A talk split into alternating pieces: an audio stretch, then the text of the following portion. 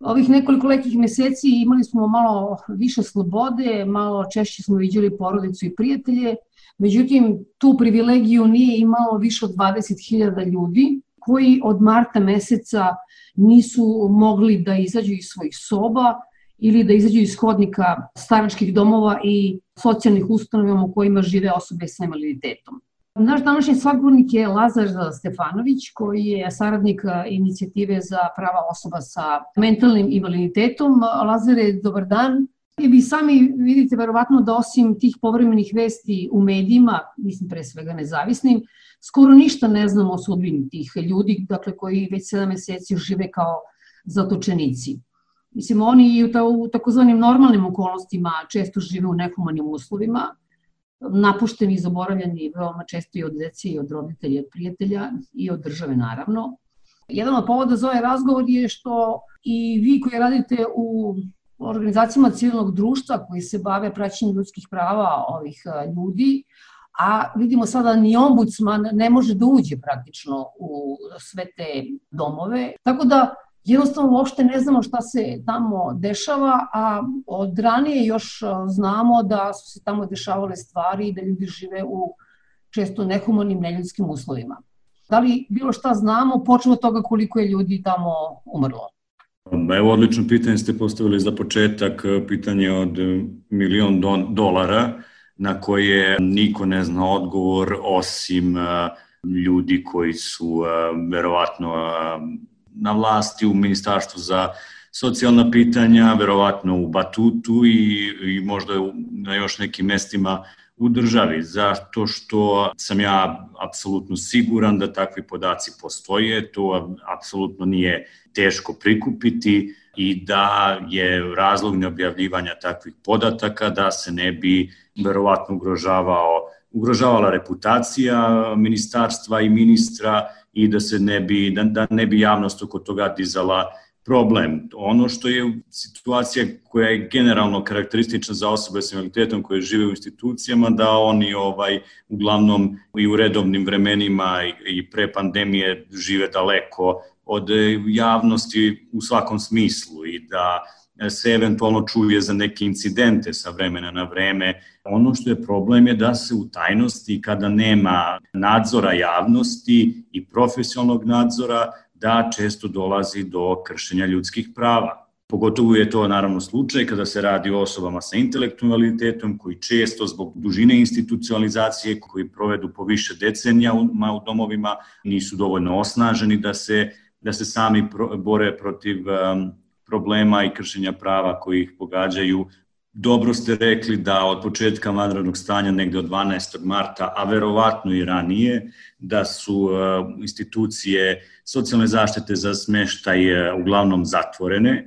Treba naglasiti da je to inače uobičajena praksa za ove ustanove u zimskim mesecima, kada haraju sezonski gripovi Tako da to zapravo nije toliko novo, osim što sada traje mnogo duže nego inače.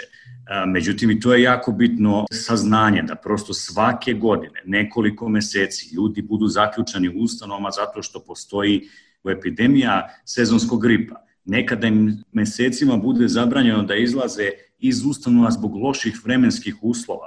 To je tek vrlo onako neverovatno kada pogledate koliko je to zapravo ograničenje lične slobode ljudima koji žive u ustanovama socijalne zaštite.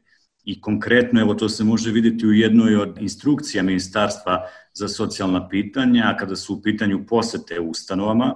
Dakle, do sad su bile dva puta u dva navrata dozvoljene od početka madrednog stanja, međutim one su bile ograničene i e, usvojene su bile određene ovaj uslovi koji ako se ispune poseta može biti izvršena, a to je da su dozvoljene najviše dve posete sedmično jednom korisniku u trajanju od 15 minuta u svu opremu zaštitnu, e, mora da se obavi napolju, dakle van prostorija ustanove, odnosno u dvorištu i to samo ako je temperatura vazduha preko 18 stepeni i ako nema kiše i vetra.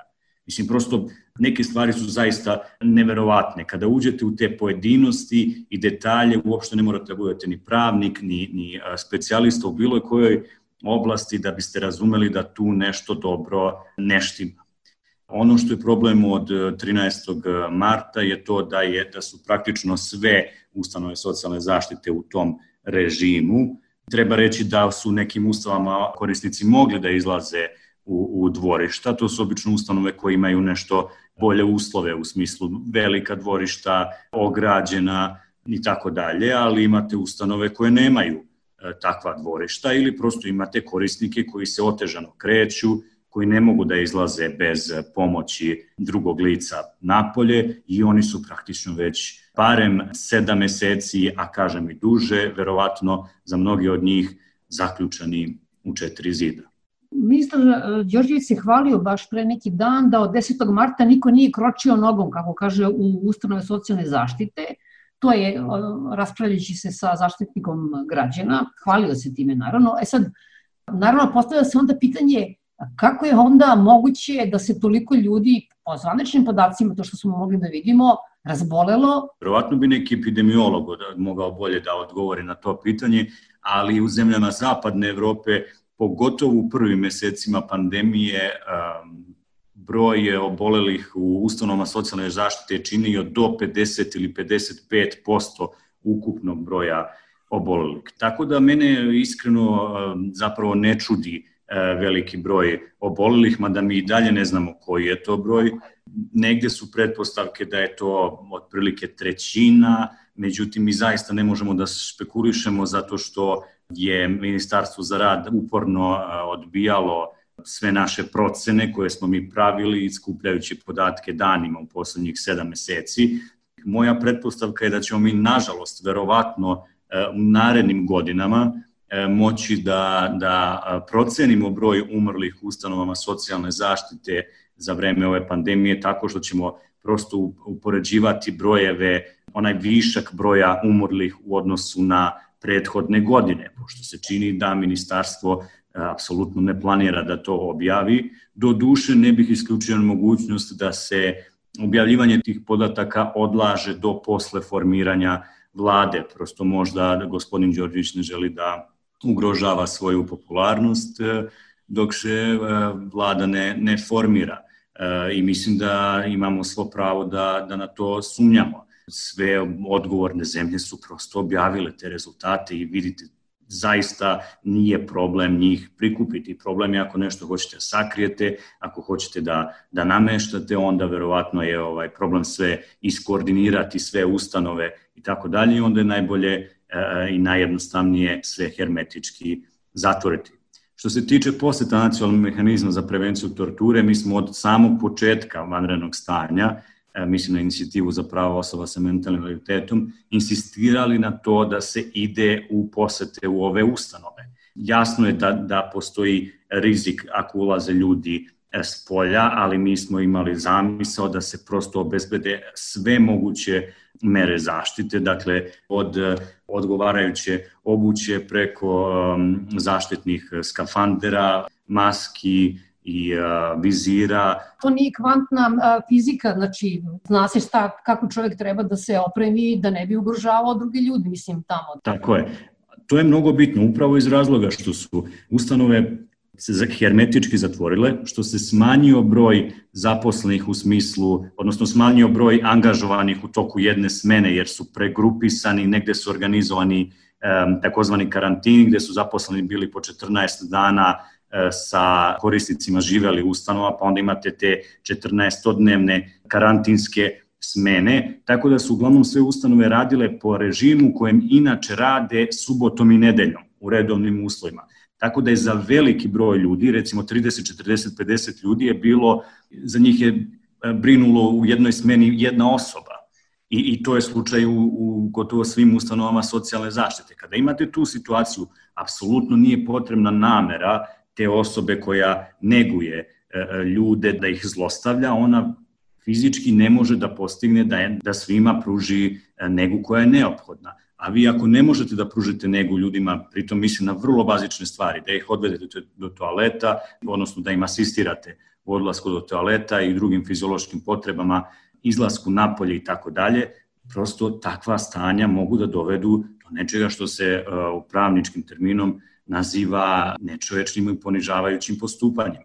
i mi imamo opravdane sumnje da se prosto takve stvari u ustanovama dešavaju, jer mi smo dobijali anonimne pritužbe, ovo naglašavam da su anonimne zato što su e, ljudi se plaše i nevladnje organizaciji da prijave odnosno da kažu ko su, zato što se plaše da će to eventualno doći do nadležnih ustanovama u koje borave. Korisnici onda znaju da su pod prosto apsolutnom voljom onoga ko je nadležan u toj e, ustanovi i onda se plaše za svoje, plaše se za sebe šta će se desiti ako se to sazna, odnosno ako nadređeni saznaju da su se oni žalili, a ljudi su se žalili upravo na to. Odlazak u WC, lošu ishranu, neaktivnost e, i tako dalje. A to su vrlo, vrlo ozbiljne stvari. Ono što je MPM negde e, pokušao da uradi pre nekoliko dana je nešto što je trebalo da uradi još pre sedam meseci, kada smo mi insistirali, zbog toga što nismo mogli da se sa MPM-om dogovorimo do,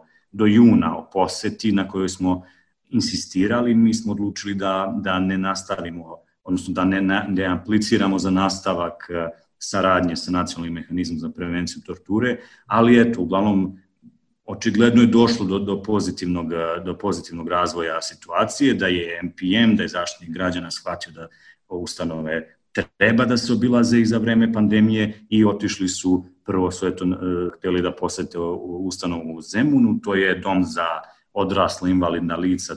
Pojim se da su bile neke ovaj, anonimne prijave za taj e, dom u smislu lošeg tretmana za vreme pandemije, ali eto, oni su dakle na ulazu zatekli obezbeđenje i vršioca dužnosti direktora koji im nisu dozvolili da uđu jer je ministarstvo zabranilo ulazak. Ovo je mene, za mene bilo očekivano i, i očekivano je bilo da će ministarstvo ovo pravdati zaštitom zdravlja korisnika i to je nešto što je karakteristično evo u, u socijalnoj zaštiti od kada ona postoji u tom obliku je da se negde na prvi mesto stavlja zaštita života koja vrlo često dovodi do toga da ljudi koji borave u socijalnoj zaštiti žive život koji nije dostojan čoveka. Jako se redko, gotovo nikada ne govori o kvalitetu života ljudi. Mi moramo da pričamo o kvalitetu života, o tome kako ti ljudi žive, da li su zadovoljni, a ne da pričamo o tome da li su samo živi. A bojim se da za mnoge ustanove socijalne zaštite je jedini cilj da ljude održe u životu. I verujte, ja sam posjećivao neke od tih ustanova, one zaista odaju, mnoge od tih ustanova zaista odaju takav utisak.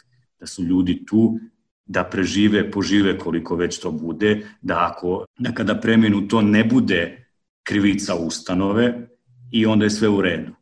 Kvalitet života je apsolutno na, na nekom E, desetom mestu. I ja ovde ne bih krivio zaposlene u ustanovi. Zaposleni su deo jednog sistema koji je jako loše organizovan. Zaposleni često kada počnu da rade su vrlo entuzijastični da učine život boljim osobama koje borave ustanove socijalne zaštite, ali brzo vide da su u tome uglavnom potpuno nemoćni, osim možda na nekom mikronivou i nekom pojedincu da, da nešto olakšaju boravak u ustanovi socijalne zaštite.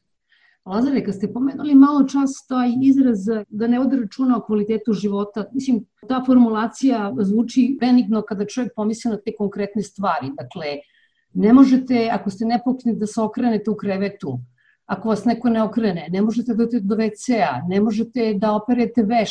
Prema međunarodnim standardima neomogućavanje ljudima da napuste svoj krevet, da izađu napolje, da se bave bilo kakvim aktivnostima, da se socijalizuju ustanovi socijalne zaštite zapravo predstavlja upravo ono što sam malo prepomenuo, a to je nečovečno i ponižavajuće postupanje. Dakle, ako vas neko ne izvodi iz, e, ne pomaže vam da izađete, da ustanete iz kreveta, ako je to moguće, i da izađete napolje, zapravo vama je povređeno pravo na slobodu od um, upravo nečovečnog postupanja.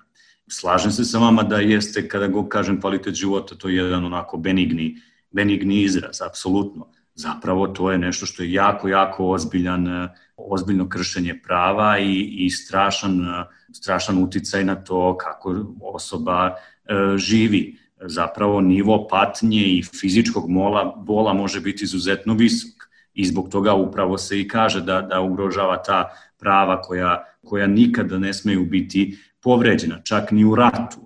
A mi imamo situaciju da ljudi koji, imaju, koji žive u ustanovama socijalne zaštite, koje treba da budu ustanove nege, doživljavaju upravo to što ste rekli, veliki bol i patnju. Recimo u ovoj situaciji ogroman je problem lečenje tih ljudi, jer mi znamo da oni ne bi bili tamo da su zdravi, jeli, i fizički a, a, a, i mentalno. Ako odu kod lekara, automatski moraju kad se vrate u dom 14 dana da budu u izolaciji, praktično u samici nekoj, jeli. Treba razumeti da ustanove socijalne zaštite zapravo to nisu zdravstvene ustanove. Dakle, vi ako imate teškog bolesnika, pacijenta, on će boraviti u bolnici, ako je to potrebno. Neće boraviti u ustanovi socijalne zaštite. Zdravstvena nega koja se, koja se obezbeđuje u ustanovi socijalne zaštite je prilično rudimentarna, da se odmah razumemo. Obično tu bude u smeni jedan psihijatar, tu se negde priča završava. Za sve ono što, što su e, druge intervencije, ljudi koji žive u ustanovu socijalne zaštite bi trebalo da budu preveženi i pružena im e, takva nega u, u medicinskim ustanovama.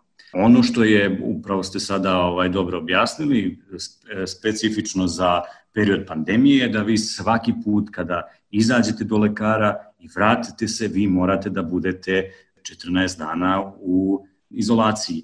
I to je nešto što su, je pogodilo mnoge ljude koji žive u ustanovama socijalne zaštite i neki od onih sa kojima se mi ovaj, sa kojima mi komuniciramo, naša organizacija, su do sad bili po 3-4 puta u takvoj izolaciji nemaju kome da se požale za, za to osim nama. Mi, mi zapravo ne znamo ni šta bismo tačno radili u tom slučaju, zato što to jeste instrukcija ministarstva da se prosto pri izlasku iz institucije i povratku u nju vi morate biti 14 dana u, u izolaciji, ono što bi sasvim sigurno bio bolji, bolje rešenje, međutim ja nisam epidemiolog, nisam virusolog, ne bavim se time, ali nekako na prvu na prvi pogled mi deluje da bi testiranje moglo o tome da pomogne, jer zašto da neko 14 dana bude u izolaciji i tako više puta samo zbog jednog odlaska kod lekara. Ja sam išao kod lekara kada sam se vratio kući i nisam bio u izolaciji. Mislim, to samo govori tome koliko su ljudi sa invaliditetom koji žive u ustanovama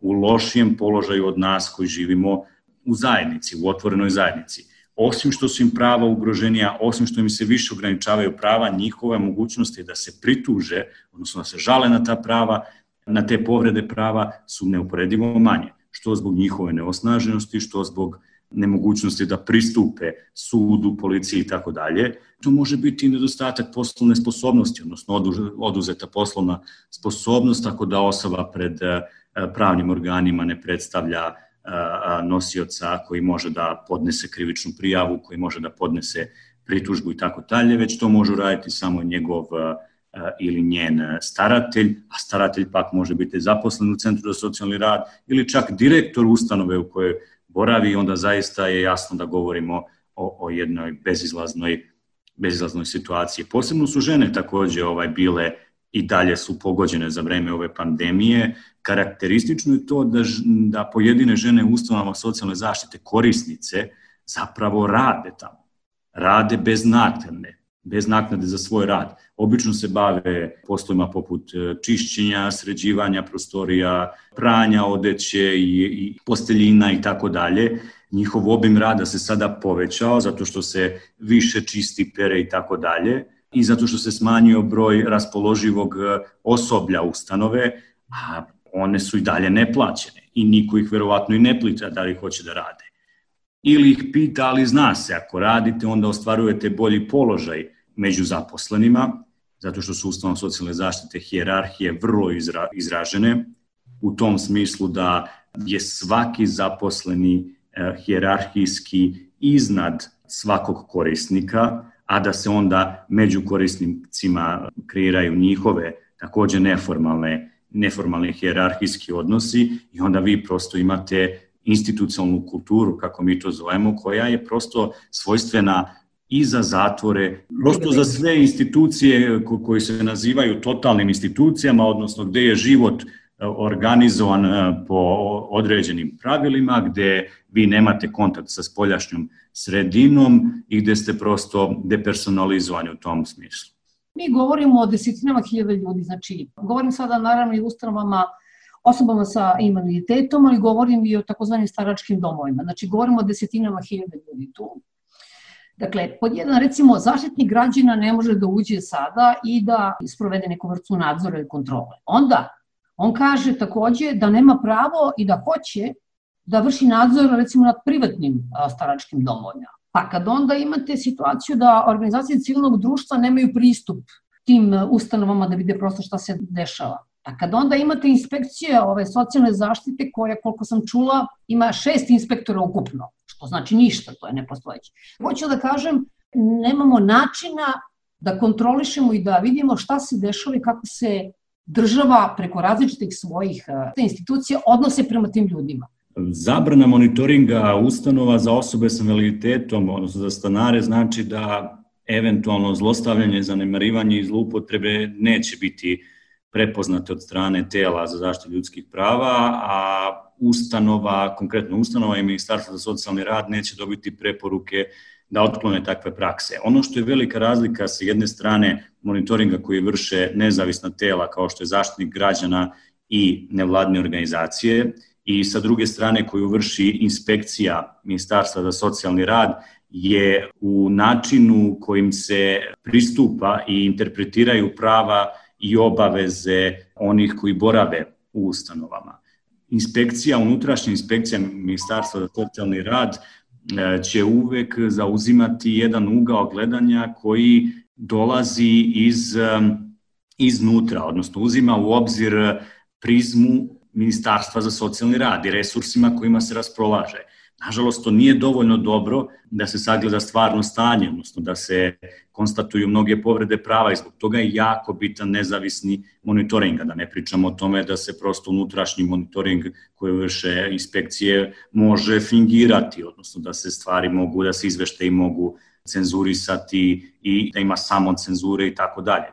Stanari su prepušteni ustanovama i onome, onome šta se dešava u ustanovi. Dakle, ustanova predstavlja za, za njenog stanara i regulacijono telo i nadzorno telo i onoga ko ti pruža negu, tako da oni ostaju u, u samovolji, apsolutnoj samovolji tih ustanova. Sad opet kažem, ne treba demonizovati ljude koji tamo rade, ali prosto situacija je takva, ustanove socijalne zaštite za smeštaje osoba sa invaliditetom su same po sebi neadekvatnan način smeštaja osoba sa invaliditetom i one bi trebale u nekom narednom periodu, u narednih 5, 10, 15 godina, ako bi se sprovodilo ono za što se Republika Srbija obavezala, da se one postepeno smanjuju do ukidanja, a da oni koji žive u ustanovama zapravo prelaze na, na život u zajednici koji bi trebalo da bude dosta kvalitetniji i dosta ispunjeniji i da u tom smislu prava osoba sa invaliditetom budu mnogo bolje zaštićena. To je budućnost za koju nema dokaza da postoji uopšte kako stvari sada trenutno stoje. Hvala vam, Lazare, na mnogo novom razgovoru. Hvala vam.